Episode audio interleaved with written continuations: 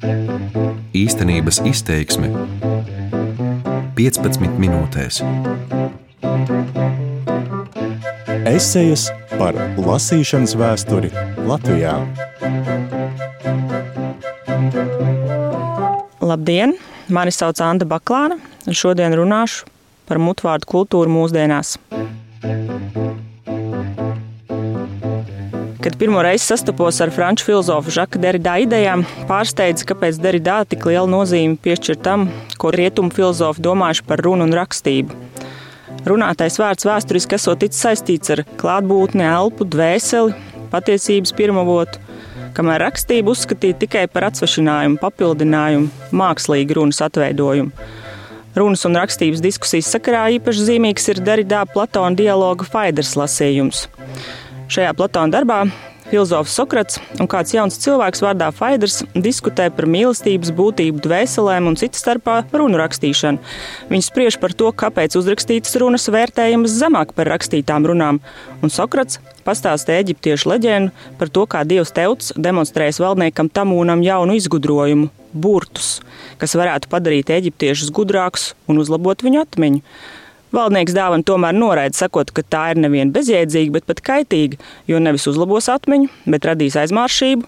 Cilvēki uzticēsies rakstītajam, nevis domās paši, un kļūs tikai šķietami gudri, nevis gudri. 5. un 4. gadsimtā pirms mūsu ēras tapušie Platona dialogi ir sava laikmeta paradigmas maiņas liecība. Tie ir rakstiski filozofiski sacerējumi, kuros fiksēta mutvārdu kultūras forma, filozofija, kas reiz tika praktizēta sarunājoties. 21. gadsimta sākumā, kad daudz runāts par krīzi lasīšanas kultūrā, par cilvēku nevēlēšanos lasīt un no tās izrietošo lasīt un rakstīt prasmes pasliktināšanos, rakstības jautājums negaidīt atkal iznāca priekšplānā. Dažkārt tas ticis uztverts pat kā eksistenciāli būtisks jautājums, no kura atkarīgs, kas nākotnē notiks ar modernajām civilizācijām, vai tās turpinās uzsākt to zinātņu attīstību ceļu, vai pieredzēs zināšanu eroziju, izglītības sistēmas sabrukumu, vai norisināsies zinātņu un īpaši no teksta tik atkarīgo humanitāro zinātņu stagnācija un varas nonākšana ar vien neaptestāku un tūredzīgāku līderu rokās. Vai nauda un vara drīz piederēs dažām globālām korporācijām un korumpētām valdībām, kas netraucētu manipulēs ar bezpalīdzīgām no ekrāniem atkarīgām masām? Un tas viss gandrīz tikai tādēļ, ka kādā dienā bērni atteicās lasīt kapteiņa Granta bērnus un Tomu Sojeru piedzīvojumus. Nevilšs jāatceras valdnieka tamūna bažas par rakstīt un lasīt prasmes postošo ietekmi uz cilvēku gudrību. Pavisam skaidrs šķiet tikai viens - kaut kas atkal mainās.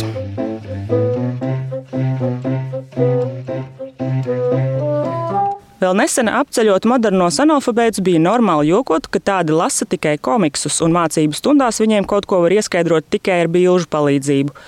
Sekojot šai loģikai, kultūra, kurā teksta vietā kā komunikācijas medijas arvien biežāk stājies attēls, būtu uzskatām par mazāk intelektuālu.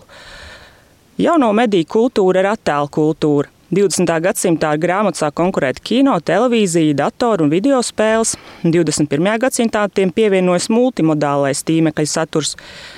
Šī gadsimta sākumā jauno mediju teorētiķis Ļevs Manovičs rakstīja, dators piepilda kino solījumu kļūt par vizuālu esperanto. Patiešām šodien miljoniem datoru lietotāju sazinās cits ar citu ar kādas datoru saskarnes starpniecību. Un atšķirībā no kino, kur lielākā daļa lietotājs saprot kino valodu, bet tajā nerunā, tas ir nerada filmas. Visi datoru lietotāji runā saskarnes valodā. Tā Manovičs. Tieši personālajie datori un mobilās ierīces rada iespējas vizuālos medijus nevien patērēt, ļauties to iedarbībai, bet arvien vairāk aktīvi iekļauties satura radīšanā. Tomēr, lai arī varam piekrist man novičām, ka vairums lietotāju prot veikt vienkāršas darbības, izmantojot datoru, piemēram, rakstīt un sūtīt ziņas, tā izskaitā lietot grafiskus komunikācijas elementus un fototēlus, Tikai nedaudzi patiešām brīvi runā multimodalitātes valodās. Proti, apstrādāt attēlus, montēt video, radīt tīmekļa lapas, veidot infografikas vai animācijas. Multimodālās komunikācijas pasaulē radušies jauna veida analfabēti - grafiskā dizaina, video un skaņas apstrādes nemākuļi. Lai arī skolās audzēkņi arvien biežāk tiek aicināti savas zināšanas demonstrēt ar netekstuālu vai multimodālu mediju palīdzību, atbilstošu prasmju apguvē pagaidām netiek veltīts tik daudz uzmanības kā rakstītā teksta gramatikas apguvē. Tomēr šķiet nemanām noticis tā, ka komunikācija ar attēlu starpniecību, salīdzinot ar tekstuālu komunikāciju, vairs netiek uzskatīta par primitīvāku, katrā ziņā nevairumā gadījumu. Domājot par elektronisko mediju sniegtajām vizualizācijas iespējām, šķiet kādu laiku nepamanījām, ka jaunie mediji aktualizē vēl kādu komunikācijas modalitāti skaņu. Jau 20. gadsimtā cilvēku ikdienā ienāk daudz klausāma pārraidīta satura. Telefona sarunas, radio un televīzijas pārraides, mūzikas un filmu ieraksti. Tomēr šķiet, tieši līdz ar personālo mobilo ierīču un ātru interneta ieviešanu skaidrāk iezīmējas parādība, ko mācītājs filozofs un literatūras zinātnieks Walters Onks 20. gadsimta 70. gados nodēvēja par sekundāro oralitāti, jeb otrās pakāpes mutvārdu kultūru. Pirmā sākotnējā mutvārdu kultūra sabiedrībās pastāv pirms informācijas nodošanai un saglabāšanai, plaši sāk izmantot rakstību. Pārēja no mutvārdu kultūras uz rakstības kultūru nekad nav kosmētiska. Rakstības tehnoloģija iespējā daudzkārt paplašinās valodas iespējas. Rakstības kultūrās apritē ir simtiem reižu lielāks vārdu skaits nekā mutvārdu kultūrās. Mainās cilvēku domāšanas formas, zināšanu uzkrāšanas un tālāk nodošanas prakses un sabiedrības struktūras. Atceros, kaut kur lasīju, kad pirms simts gadiem sāka raidīt radio, tika pareģots, ka tas padarīs nevajadzīgas universitātes un bibliotekas. Zināšanas turpmāk varēs translēt attālināti, turklāt neierobežot lielam cilvēku skaitam. Radio tolaik šo fantāziju nepiepilda, taču iespējams esam tam mazliet tuvāk šodien, kad saturu varam brīvāk izvēlēties un atskaņot jebkurā laikā. Tīmeklī atrodam universitāšu lekciju ieraksti, audio grāmatas, raidījumi, intervijas, izglītojoši video darbi par fiziku, matemātiku un literatūru, kulinārijas, šūšanas un kokapstrādes pamācības, padomi, kā tikt galā ar laustu sirdi vai blaktīm.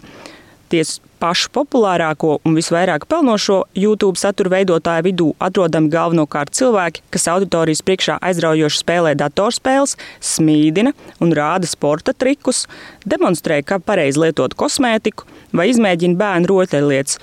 Proti, tas ir saturs, kas paģēra lūkošanos ekrānā. Tomēr lielu daļu materiālu var klausīties īpaši neskatoties, braucot mašīnā, sportojot vai gludinot veļu.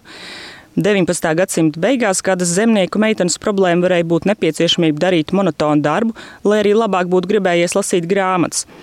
Tagad tik viens var uzlikt austiņas un aust, vērpt, izšūt, adīt, vienlaikus klausoties jaunāko Juvala Harāri grāmatu un laiku pa laikam noskatoties arī kādu adīšanas video.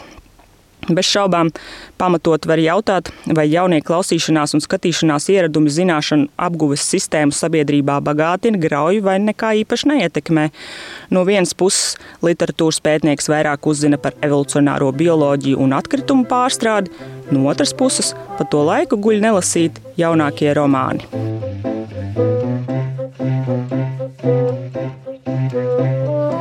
Par to, ka multimodālās komunikācijas uzplaukuma laikmetā runas aspektam ir ļoti būtiska nozīme, liecina tendence senāk rakstībai paredzēto vietu aizpildīt ar runātu saturu. Skolās sacerējuma vietā jāuzstājas ar runām, literatūras stundām uz papēžiem min teātris mākslas stundas, ziņu portālos teksta interviju vietā ir video intervijas, blogu vietā tiek filmēti vlogi, un konferences tiek translētas tiešraidē vai ierakstītas. Jo vairāk klausām saturu mūsu ikdienā, jo niansētāk, jutīgāk to uztveram, lielāku vērību piešķiram runas mākslai, prasmē noturēt klausītāju uzmanību, izskaidrot un pārliecināt. Tika sagaidīts, ka profesors, kurš ielūgts uzstāties konferencē, nelasīs savu runu no lapas vai vismaz radīs iespaidu, ka to nedara. Gudrs runātājs pārlieku nepaļausies arī uz savu slīdrādi, nežestikulēs ekrāna virzienā, sakot, kā redzat, un neko daudz nepaskaidrojot. Jo var gadīties, ka no pēdējām rindām sīko druku redzēt nevar. Var gadīties, ka zālē ir neredzīgs cilvēks, vai gluži vienkārši runa tiek ierakstīta kā klausāms materiāls. Lai arī varētu rasties iespējas, ka konferenču sērijas TED nevainojamās runas vai runas, kuras prezidenta televīzijā lasa no ekrāna spikeriem, ir publiskās runas ideāls, tas nav standarts, pēc kura tiecas tūkstošiem video un audio raidījumu veidotāju YouTube un citās platformās.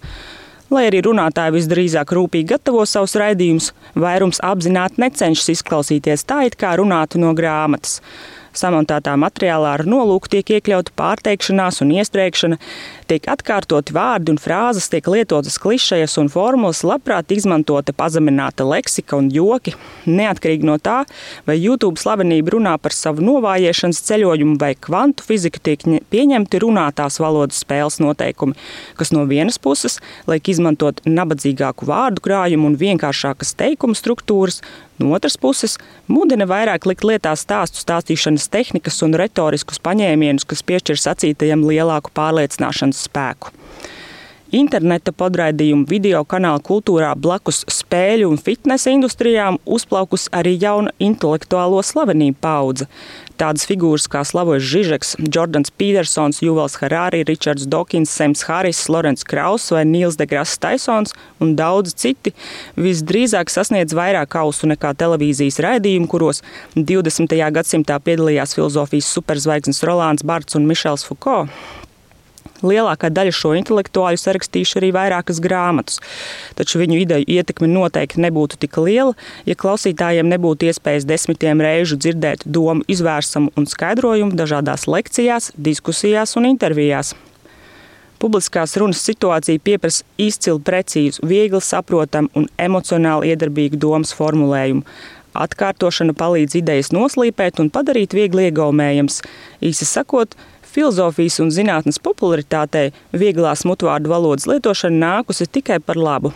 Sūtot sveiciens divu ar pus tūkstošu gadu senajai sokratiskajai metodei, tiek praktizēta pat ielu epistemoloģija, kuras adepti sarunājas ar nejaušu uz ielas sastaptiem cilvēkiem un aicina viņus domāt par to, kam tie tic, kāpēc uzskata, ka kaut kas ir patiesa un citiem izziņas jautājumiem.